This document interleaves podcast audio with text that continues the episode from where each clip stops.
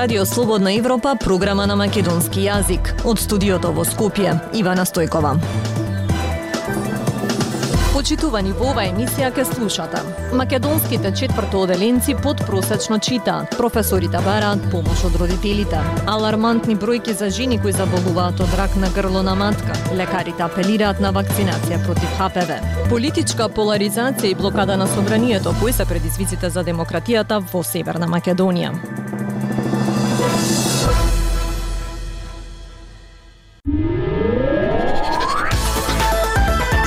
Радио Слободна Европа, светот на Македонија.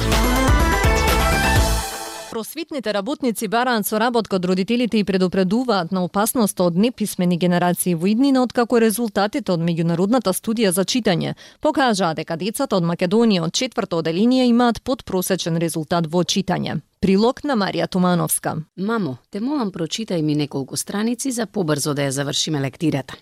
Вака, мајка на 10 годишен ученик од Скопје раскажува како со нејзиниот син постојано води битка кога треба да чита лектира. Елена од Скопје признава дека и покрај сите напори да го натера синот да чита, сепак на крајот таа чита, а тој слуша. Не знам дали му правам против услуга, ама од друга страна барем знам дека ќе биде подготвен за час. Кога ќе го прашам зошто не чита сам, постојано има оправдување дека чита бавно и нема да стигне на време да ја прочита. И ученичката Кристина Тасева не е љубител на пишаниот збор. Искрено за оваа тема сметам дека повеќето средношколци не читаат доволно, но јас не ги читам лектири. Искрено не ги читам лектирите затоа што сметам не ми се интересни на мене. Со неа се согласува и Александра Илиева. Вели дека ги чита само задолжителните лектири, а дека повеќето соученици не ја читаат ниту кратката содржина прераскажана на интернет. Дека јас не читам, таква е генерацијата дека се е само со телефоните и не можеш од телефонот да не отргнеш. Но не читањето носи ни за други последици. Една од нив се и најновите резултати од меѓународната студија за читање, според кои македонските ученици од четврто оделение покажале подпросечен резултат во читање. Учениците од четврто оделение се пласираа на 34-тото место во светот на табелата од 43 земји. Четврто оделенците во нашата земја биле поуспешни во пронаоѓање и директно изведување на заклучоци, отколку во толкување, интегрирање и вреднување. Дека децата читаат механички без желба и разбирање за тоа што го прочитале, забележува и оделинскиот наставник Гоце Бумбаровски од основното училиште Кочо Рацин од Прилеп. Недостасува читачка атмосфера и кај возрастните, не само кај учениците. Вели Бумбаровски и додава дека новите учебници воопшто не помагаат да се смени таквата состојба. Дел од текстовите и баш не се така а, примамливи и не а, не ги мамат учениците да може да се внесат во нив, туку се некои површни текстови кои што едноставно само имаат некоја обична задача да се сработи и тоа е тоа. И навистина е жално. Во ирата на дигиталните медиуми и онлайн предизвици, на часовите по македонски јазик Бумбаровски се труди да ги мотивира учениците да читаат и да разговараат за тоа што го прочитале нудејќи им интересни содржини за нивната возраст. Ваквите резултати не се изненадување ни за универзитетската професорка Весна Мојцова Чепишевска. Грешката вели таа е кај родителите кои не наоѓаат време за своите деца, но и го одобруваат или прифаќаат трендот на нечитање. Треба подитно да се врати стариот принцип на раскажување приказ. Детето е прво слушател, тоа веднаш не е читател. За да За да го направите вие читател, вие мора да го направите слушател, да слуша приказни. Кога ќе го навлечете на тоа, кога ќе го научите на слушање, вие ќе го навлечете потоа на самите приказни. Но не да биде класично само читање приказни, туку и разговор со детето за приказната. Мојсова Чепишевска вели дека недоследности и празнини забележува и кај нејзините студенти, особено кај постковид генерациите. Дајте ни 15 минути и ние ќе ви го дадеме светот. Слободна Европа.мк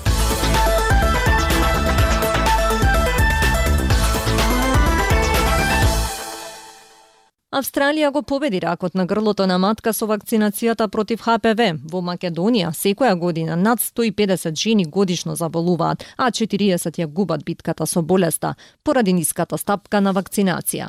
Доктор Игор Алуловски од клиниката за гинекологија во интервју за Радио Слободна Европа говори за состојбите со канцерот и значењето на вакцината. За жал бројките со цервикалниот карцином во државата се лоши, односно не покажува тренд на намалување, дури може да кажам низ години назад настои одреден тренд на големување на на бројот на инциденцата да кажем на цервикалниот карцином. Причината е најверојатно лежи во тоа што за жал се уште немаме или еве барем се трудиме во последниве години да се направи организиран клиник за цервикален карцином кој што де факто е една од првите органи нали, линии против ова, ова болест кој што може навремено да се детектира зболувањето и да се лечи во фаза пред да дојде до така начин инвазивен инвазивен карцином. Последната некоја статистика беше, мада мислам дека бројките се повисоки, на годишно ниво, еве мислам дека за минатата година негде околу 150-160 ново диагностицирани карциноми, инвазивни карциноми на грлова на матка, а од тоа за жал некаде околу 50-60 смртни случаи како последица на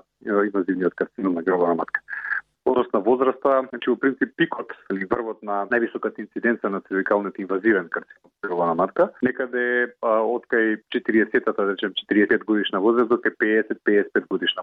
Секако дека и останатите возрастни категории не се поштедени, за жал, така да имаме и се поголем број фаќаме на цервикални инвазивни карциноми и кај помлади пациентки. Што се однесува до тоа која била најмладата пациентка со инвазивен цервикален карцином, а сам сам сега ако не не грешам дека беше за 22 или 23 годишна пациентка, она што сме го нали детектирале како како случај е да за таа возрастна категорија некаде да од дека да од 20-те години од животот кога генерално најголемиот број нали почнуваат со сексуални односи е пикот на тирање со ХПВ, значи етиолошки причинител карциномот на грло на матката и на и најголема инцидента на така наречените преизлези на грлото на матката, ние познати во народот како тинови, кои што после тоа доколку не се фатат времено, доколку не се третираат за жал во текот на годините, можат да дојдат и до цервикален За жал и покрај тоа што нашата држава е првите малцене на овој Балкан простор кој што ја воведе ХПВ вакцината во календарот за редовни вакцинации, сепак за жал не може да се да се да се пофалиме со добра опфатност. Именно сите вакцини кои што се влезени во вакциниот календар за жал ХПВ вакцината е со најмала, најниска, најниска опасност и таа никако да ја помине границата од 50%. Та дел од причините може да ги кажеме дека е и со ковид кризата, меѓутоа независно од, од тоа. Значи бројките и пред ковидот и после ковидот остануваат за жал ниски, што значи дека со таква ниска опасност не може да зборуваме за било какво намалување на инциденците на било кои заболувања врзани со ХПВ инфекцијата. Така да од гледна точка на вакцинацијата треба малку пошироко да се гледа, да, примерно се однесува на заштита или нали протекција на карцином на грло на, на матка, меѓутоа и пошироко генерално и токму тие причини во земјите во Европа, Соединените американски држави и Австралија ги изгоем како посебен абсолютен абсолютен победник да дечен во во тој дел со опасност на вакцинација. Идејата на на вакцинација на генерално на сите вакцини тоа е она најдобриот начин за заштита од инфекцијни болести. Историски ако гледате, токму благодарение на вакцините генерално, вакцините е, е, овозможува победа на голем број инфективни заболувања кои што имале огромна смртност. Така да во таа смисла, значи да ги со таа идеја и, и ХПВ вакцина, кој што Австралија зесме како пример, значи Австралија до 2025-26 година практично ќе прогласи ерадикација на цервикалниот карцином. Односно ќе се сведе бројот на нови диагностицирани карциноми на грло на матка на 1 до 2 случаеви на 100.000 жени. И тоа е типичен пример, затоа ја издвојувам Австралија како типичен пример за земја која што ќе успее практично да го елиминира цервикалниот карцином. Што значи дека тоа е постигнато да со огромни добри скрининг програми, меѓутоа и со ХПВ вакцинацијата, во случај кој што представува нали примарната борба, примарната примарната превенција. Бидете наш гостин и посетете ја. Слободна Европа.мк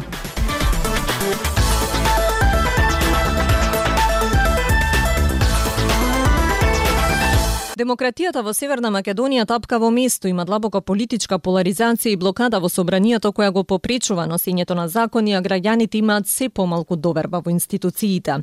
Ова се главните заклучоци за земјава во новиот извештај на Freedom House.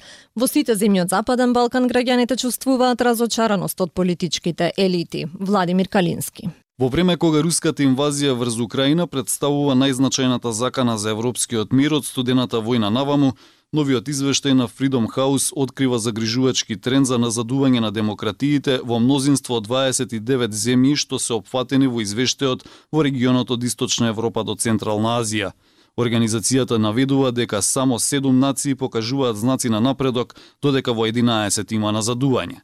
Северна Македонија е меѓу земјите од Западен Балкан каде граѓаните чувствуваат разочараност од домашните елити кои се противат на демократските реформи, бидејќи со тоа ќе ослабне нивната контрола врз моќта, наведува Freedom House, организација со седиште во Вашингтон фокусирана на човековите права и промовирање на демократските вредности.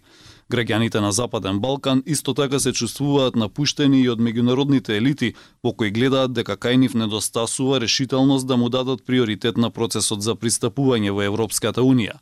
Во Северна Македонија е забележана силна политичка поларизација и парламентарни блокади за кои се вели дека го попречуваат донесувањето на законите на национално ниво – но посочен е и напредок, односно дека кај властите има подобрување во транспарентноста, граѓанското учество и меѓуопштинската соработка, што според извештајот има позитивно влијание врз демократијата и испораката на јавните услуги, се вели во извештајот. Блокадата на парламентот веќе долго време ги подрива реформските процеси и нормалниот тек на политичкиот и секојдневниот живот во земјата, вели Марко Трошановски од Институтот за демократија Социјета Цивилис, но според него политичката поларизација дополнително дополнително ќе се интензивира во наредниот период. Секако дека улогата во оваа поларизација е голема на премрежијата од минатото лето и преговарачката рамка, како и предстојните уставни измени кои што треба да се случат во насока на уборските превземени со преговарачката рамка. Мислам дека оваа година не очекува продлабочување уште поголемо на таа политичка поларизација. Вели Трошановски.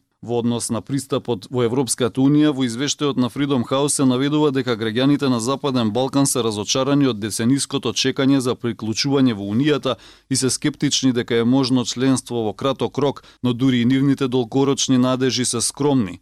Иако во земјите и натаму има силна поддршка за пристапот во ЕУ, за граѓаните членството во Унијата е повеќе привлечно поради индивидуален напредок, право на патување, работа или студирање во странство, отколку изгледите за демократски напредок дома. Кредибилитетот на Европската Унија, кој што веќе на повеќе пати го коментиравме, е нарушен и поради делумно поради процесот на проширување, заради кој земјата треба да прави нерационални одстапки кои што немаат врска со копенхашките критериуми. Вели Трошановски. Податоците на Организацијата за економска соработка и развој покажуваат дека околу една петина од населението родено во регионот на Западен Балкан живее во странство, главно во неколку земји на организацијата.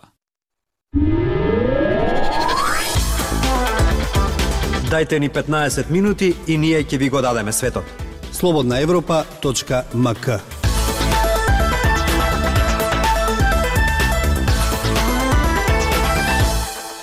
Во присрет на изборите во Турција, аналитичарите почувствуваа можност за епохален присврт, Повеќето јавни анкети сугерираа дека опозицијскиот кандидат Килич Дароглу е во убедливо водство пред Ердоган. Исто така дека опозицијската коалиција ќе победи на парламентарните избори. Сепак Ердоган заврши со убедливо водство и коалицијата предводена од неговата партија обезбеди мнозинство во парламентот. Како се случи тоа? Директорот на турската истражувачка програма на Институтот во Вашингтон, Сонер Чагаптай, говори за исходот од првиот круг и изгледите за вториот од изборите во Турција. Одејќи на избори, председателот Ердоган имаше два предизвика. Еден од нив беше економија, 50% инфлација и лирата која изгуби речиси 500% од својата вредност во последните пет години. А другото прашање беше обединетата опозиција. Мислам дека успеа да ги надмени двата предизвика. Што се однесува до економијата, Ердоган формираше добри врски меѓу Турција и монархиите во Персискиот залив. Тоа резултираше со големи парични трансфери во Турција и тој негуваше добри врски со Русија, особено со Путин, одржувајќи ги економските врски со Русија, дури додека војно ја поддржува Украина, а тоа резултираше со готовински прилив во Турција, туризам, трговија, инвестиции, но и повторно големи парични трансфери од Русија во Турција во 2022. Овие му помогнаа на Ердоган да додели дарежливи бенефиции за социјално осигурување, огромни изголемувања на платите, да спроведе простување заеми и да издаде ефтини кредити. Во Турција на 45% од работната сила им се исплаќа минимална плата, а минималната плата минатата година е зголемена за три пати, со што износот е двојно зголемен. Сето тоа му помогна на Ердоган, но тој се разбира мораше да се соочи со предизвикот на обединетата опозиција и да го занемари сојузот што опозицијскиот кандидат Келич Дароглу го состави. 90% од медиумите се контролирани од бизниси поврзани со Ердоган. 80% од граѓаните на Турција не читаат други јазици освен турски, а тоа значи дека Ердоган може да ја креира реалноста за нив. Реалноста во наводници се разбира. Тоа беше се во вестите на Радио Слободна Европа од студиото во Скопје со вас беа Ивана Стојкова и Дејан Балаловски. До слушање.